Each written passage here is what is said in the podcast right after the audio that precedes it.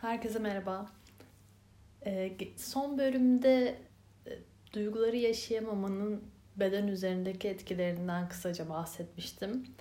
Ee, hayatımızı nasıl etkilediğini ve aslında hayır diyebilme sanatında duyguların bize rehber olduğunu e, söylemiştim. Bu bölümde de e, yaş yaşayamadığımız duyguları nasıl yaşayabiliriz? Bunları bunlarla hmm, ne şekilde hayatımıza yerleştirebiliriz? Nasıl bir rehberlik ediyor?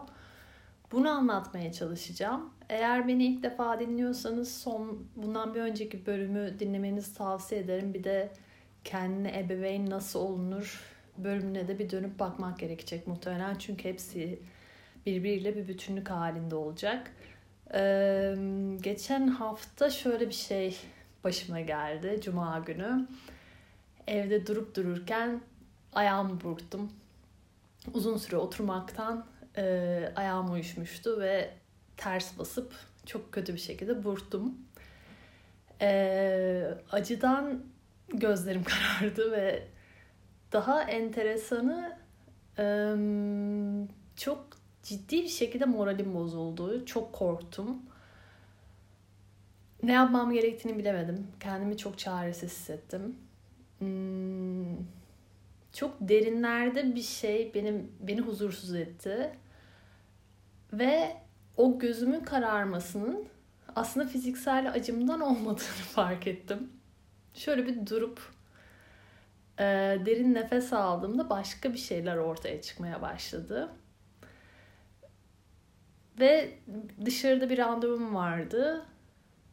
Ona acele etmek ya da onu iptal etmemeyi düşünmek yerine o duyguyu yoklamaya çalıştım ve asıl sebebin yani bunun bu kadar bende yoğun yaşanmasının sebebi 7 yıl önce yaşadığım başka bir ayak burkulması. Yine çok uzun süre oturmaktan uyuşan ayağımın üzerine ba- basıyorum. Çok yani ters dönüyor ve yine burkuluyor ve diğer ayağım o aslında.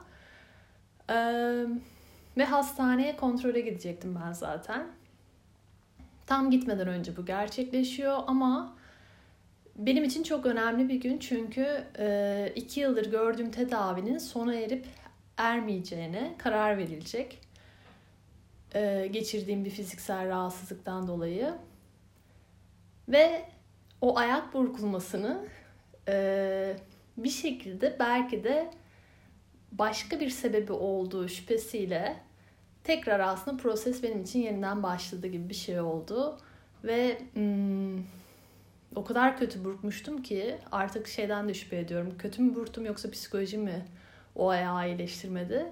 Yaklaşık ben 3-4 ay boyunca ayağı normal yürüyemedim. Yani ayağımın üzerine basamadım.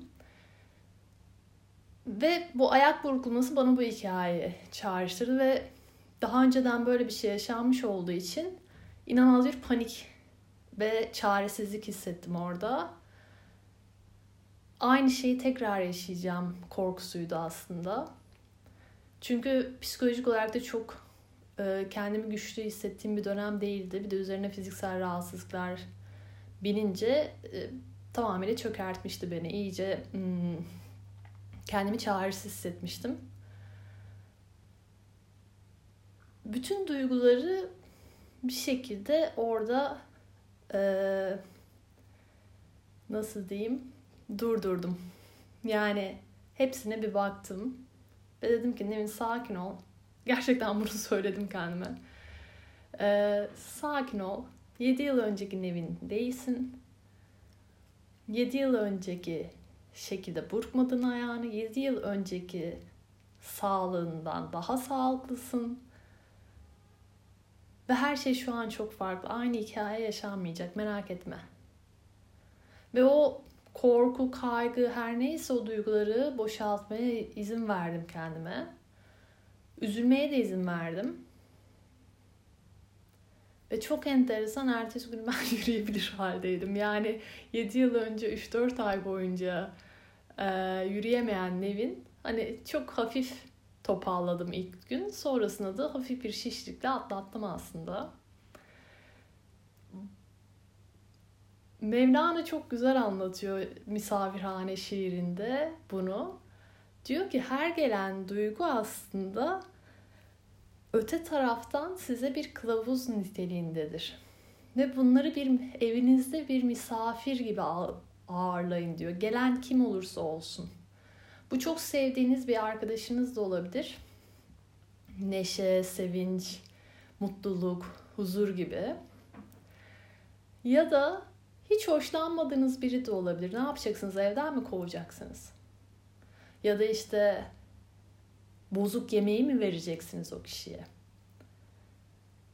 Bu kendinize duyduğunuz saygıdandır ya evinize misafir gelen birini layıkıyla ağırlamak aslında bir nevi. Dolayısıyla sizi çok üzen, kederlendiğiniz, kızdığınız, sizi sarsan hepsini içeriye buyur et diyor. Ve nasıl davranman gerekiyorsa öyle davran. Dinle. Ağırla.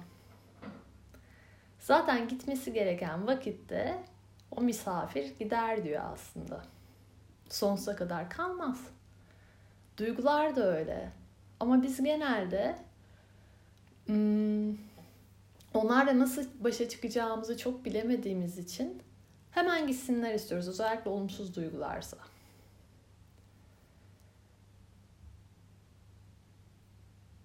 Tabii ki bunların sağlıklı bir şekilde yaşa, yaşanmasına, bunun her bir duygunun normal olduğu, yaşanması gerektiği bize öğretilmediği için bu yaşlarımızda oldukça zorlanıyoruz.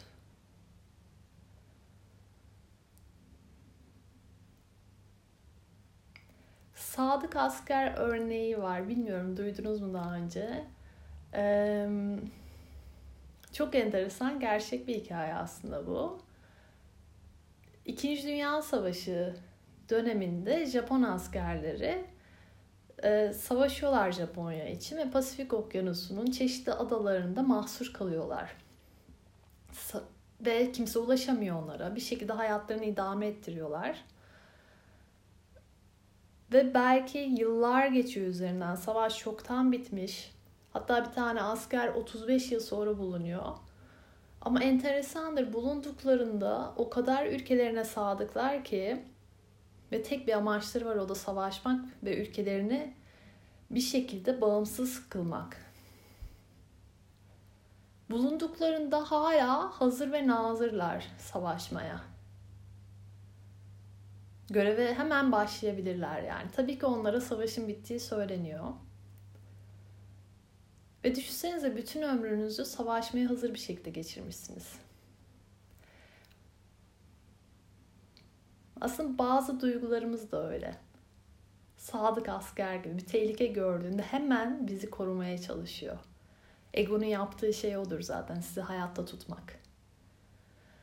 Ama bunu işte korku, öfke, kızgınlıkla biraz daha yaşatmaya çalışıyor size. Sana zarar verecek, bu böyle olacak, göreceksin bak diye orada bir sabotör konuşuyor genelde. Benim işte bu ayağım burktuğum örnekte olduğu gibi. Daha önce öyle bir hikayem olmasaydı ben o kadar kendimi kötü hissetmeyecektim muhtemelen. Orada beni bir koruma amacı var. Her şey çok kötü olacak. Nevin kendini hazırla. ee, ama Japon halkı ne yapıyor bu askerlere? Onları onore ediyor her ne olursa olsun. Ve topluma entegre edecek görevlere sokuyorlar ve her yıl geldiğinde tekrar tekrar o gazileri hatırlıyorlar. Ee, ve onlar o yüzden hani böyle bir hayal kırıklığını yaşamıyorlar ama biz genelde bu duygularımız geldiğinde bizi korumaya çalışan duygularımız of yine mi geldin? Yine mi? Sabotörlere genelde böyle davranıyoruz. Ee, öyle davrandığımızda bir yere gitmeyecek onlar. Çünkü Onların aslında kötü bir amacı yok. Ve sadık asker dediğimiz o duygular çocukluk savaşından hayatta kalmış olarak çıkacağına inanmaz. O çocuklukta bizde ikinci duygu olarak yerleşen ne varsa onu sürekli hayatta tutacak yeni savaşlar, yeni cepheler açmaya çalışır ki işe yaradığını hissetsin. O yüzden bizim e, sadık askerin stratejileri bizi ilk çocukluk yaralarının oluşmasından korumak için uygulansa da büyümemizde orijinal yaralardan daha çok engel oluşturuyor. O kesin. Yani çok çocukluk dönemine gitmedim. 7 yıl öncesinin örneğini veriyorum. Ama bunu hayatta örgü örgü her yerde yapıyoruz. Ee, bu yüzden Japonların kendi sadık askerlerine yaptıklarını hayatımıza uygulamamız en doğrusu olacak. Bu ikincil duyguları sevgiyle kabul etmek, bir misafir gibi. Evet, beni korumak istediğini biliyorum. Hmm, verdiğim örnekte olduğu gibi. Ne yapmaya çalıştığını biliyorum. Beni korumaya çalıştığını görüyorum. Ama artık buna gerek yok. Savaş bitti. Bugün dünden daha farklı. Ben artık o çocuk değilim. Farkındalığım daha daha yüksek. Teşekkür ederim bunun için. Onore ediyorum. Ve gerektiği kadar her geldiğinde savaş bitti. Şu an sana ihtiyacım yok. İhtiyacım olursa çağırırım demek. Ve genelde birinci duygularla ikinci duyguları ayırmak birbirinden çok çok zor. Birinci duygu dediğimizde ne oluşuyor? Aslında bizim içgüdüsel olarak yaptığımız şeyler. Bir bebeklik halinizi düşünün ya da bir bebeği düşünün. Ee, neşe duymak, üzüntü duymak, korku duymak, öfke duymak, e, yalnızlık hissi, şaşırmak. Bunlar bizim daha anne karnından çıktığımız andan itibaren hissettiğimiz duygulardır. Bunun öğrenilmeye ihtiyacı yoktur. İçgüdüsel olarak DNA'larla bunlar aktarılmıştır zaten. Sesten rahatsız oluruz, korkarız. Birisi gelir, aurası hoşumuza gitmez. Ya da annemizin üzüldüğünü görürüz, üzüntü duyarız. Ve beyin o zaman tabula rasa gibi bomboş aslında bir bebeğin ama bu duygulara sahibiz. Dolayısıyla zihinle işlediğimiz her şey ikincil duygu yani egonun yarattığı sonradan öğrendiğimiz duygular. Orada işte sadık asker devreye girdiği için bu duygular var. Ve ikincil duyguların kapağını kaldırdığınızda altta birincil duygu yatar. Yani ne demek istiyorum? Genelde biz son podcast'ta bahsetmiştim sınır ihlallerini göremediğimiz noktada geri, yani nedensiz öfke duyuyoruz hayır diyemediğimiz zaman. Ama öfke duymamızın altını o kapağı kaldırdığımızda ikinci duygu bu öfke. Altından şu çıkıyor. Değersiz hissetmek. Yalnız hissetmek korku hissetmek belki.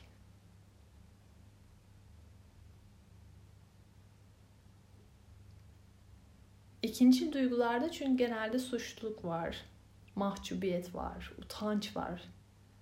Bakın utancı bir bebek bebek nasıl öğrenebilir? Utandırılarak. Heyecan var. Heyecan duyabilmem için benim o zevki bir kere tatmam lazım. Zevk var. Küçümseme, tatmin, rahatlama. Bunlar hep tecrübe edindikten sonra oluşan duygulardır. Ve genelde zihnin yarattığı şeylerdir. O tanımlarımızdan, sıfatlarımızdan yola çıkarak. Halbuki biz ikinci duygunun birazcık geçmesini ve kendini ifade etmesine izin verirsek birinci duyguya erişip bize vermek istediği mesajı asıl korkumuzun kaynağı neyse, öfkemizin kaynağı neyse, sevincimizin kaynağı neyse oraya varırız. Ve Mevlana'nın şiirinde belirttiği gibi işte o öte taraftan bir kılavuz dediği şey ruhunuzun duygular aracılığıyla sizinle konuşmasıdır. İhtiyacı olanı dile getirmek için vardır duygular. Bunun için zihne ihtiyacımız yok.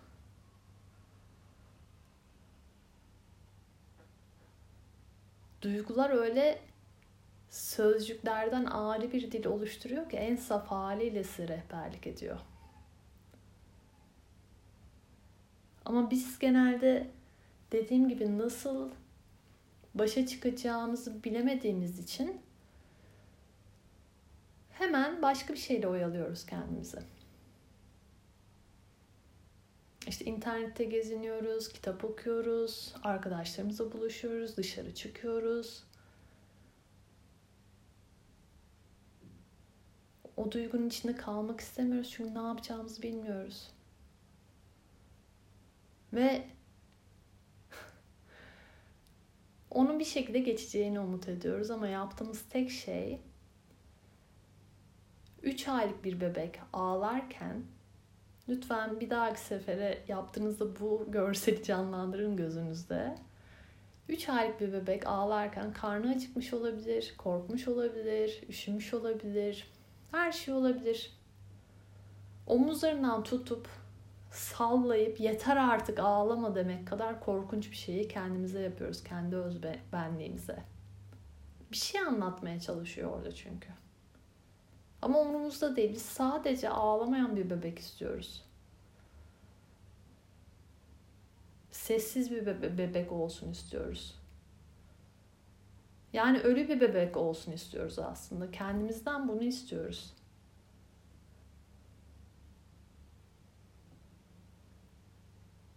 Halbuki ihtiyacının ne olduğunu anlarsak üşüdü mü üstünü örteriz ve ağlaması geçer. Acıktı mı yemeğini veririz ve ağlaması geçer. Sarılmaya mı ihtiyacı var? Sarılırız ve ağlamaya geçer. İki tane kitap önereceğim size. İkisi de çocuk kitabı. Ee, bir tanesi üzüntü kapığınızı çaldığında. İkincisi de ve tavşan dinledi diye. Çok güzel iki çocuk kitabı. Orada çok güzel görseller var. Ee, bu arada kendine tanı için ayrı bir Instagram hesabı oluşturdum. Her podcast'ten sonra ilgili kitapların parçalarını veya işte bunu, bu podcast'i, bu bölümü besleyecek şeyleri paylaşmayı düşünüyorum. Bu çocuk kitabında paylaşırım. Orada üzüntü bir karakter ve üzüntünün diyor belki ihtiyacı vardır. Hani birlikte sarılıp uyumaya Belki birlikte televizyon izlemeye, belki yemek yemeye, belki de hiçbir şey yapmamaya. Bir arkadaş gibi yanında gezdiriyor. Ve sonra bir gün gelir belki dışarı çıkmak istersin diyor ve üzüntü kalmaz o zaman. Yani bütün duygulara böyle bir dost gibi bakmak gerekiyor. Ama bazen yaralar çok derin olduğu için e, o derindeki acıya bakmak çok önemli, çok kıymetli çünkü dönüşüm orada. Ama her zaman doğru zaman olmayabilir. Mesela ben şanslıydım. Evdeyken ayağımı burktum ama 7 yıl önce iş yerindeydim. Yani öyle bir ortamda bir saniye arkadaşlar ben sadece şu an duygularıma bakmak istiyorum falan deyip keşke öyle bir ortam olsa. İnşallah öyle bir e, seviyeye ulaşırız toplum olarak. Diyemem. Yani ertelemek zorundayım duygularımı o an. Öyle bir ortam yok çünkü. Ama üstünü kapayamam. Uygun zamanda açıp bakmam gerekiyor içeride ne var ne yok diye. Ve yine söyleyeceğim meditasyon çok önemli bir araç. Sessizlik için kendinize zaman ayırın. Ve lütfen mazeretlerden arının. Yani yok evde kocam var, çocuğum var, ee, çok yoğunum. Yani 5 dakikada olsa çok önemli bu.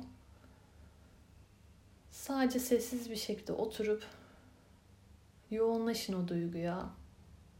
Ve atmasına izin verin. Ağlamak istiyorsanız ağlayın. Ve sorun. Ee, sanıyorum ilk podcast kaydımdaydı. Who am I? Ben kimin meditasyonu gibi. Aynı şeyi duygularıma yapıyorum ben. İkinci duygu geliyor, öfke diyelim. Genelde en sık e, yaşanan duygu budur çünkü size bir şey anlatmak için. Neye öfkeleniyorsun diye soruyorum. Bir cevap geliyor. Peki bu sana ne hatırlatıyor? Bir cevap geliyor.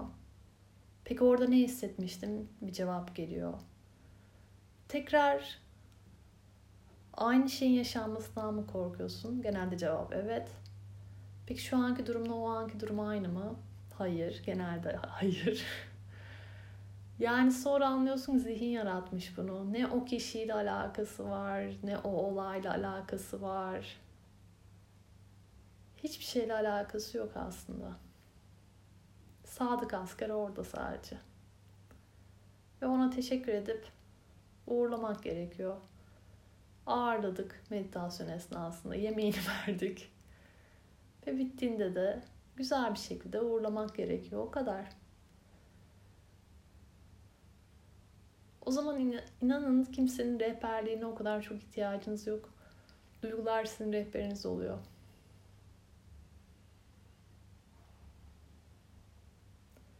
O kadar projeksiyon yapmaya da gerek kalmıyor. Sadece gözlemlemeye başlıyoruz. Ruhla konuşunca zaten beden de tamamıyla özgürleşiyor.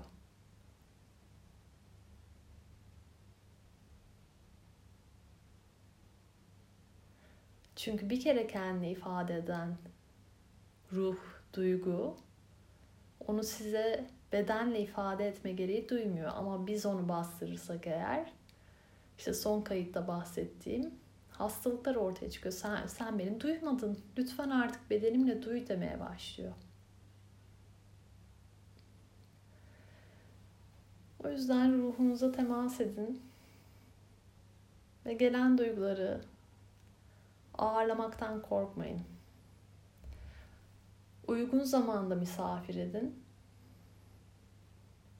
Ama aynı şekilde eğer onu ağırlamak istiyorsanız evinizin temiz olmasına emin olmanız lazım. Bu ne demek? Zihni temizlemek, sessizlik anları yaratmak kendinize.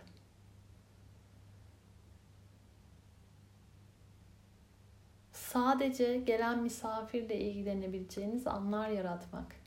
Günlük çalışması da çok işe yarar bunun için. Ama lahana gibi yavaş yavaş soyun ve özüne doğru ulaşmaya çalışın. Ne anlatmaya çalışıyor bana bu duygu? Neye ihtiyacı var bu çocuğun? Niye ağlıyor?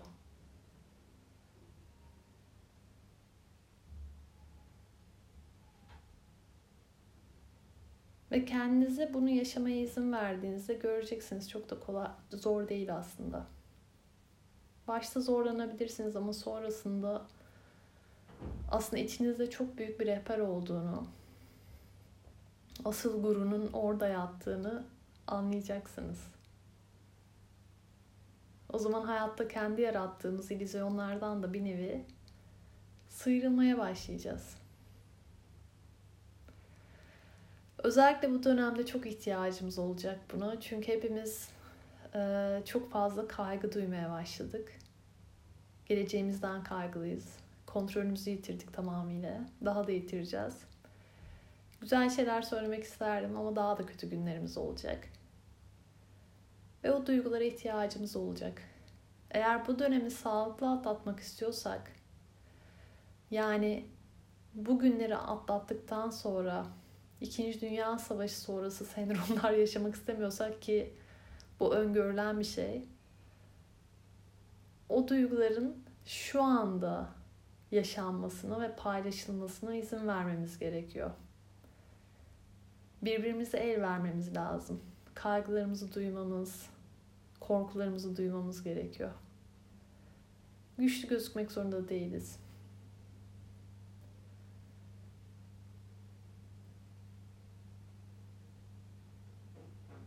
Ama temiz bir yarına uyanmak istiyorsak bugünden olanı kabul etmek ve yaşamak gerekiyor.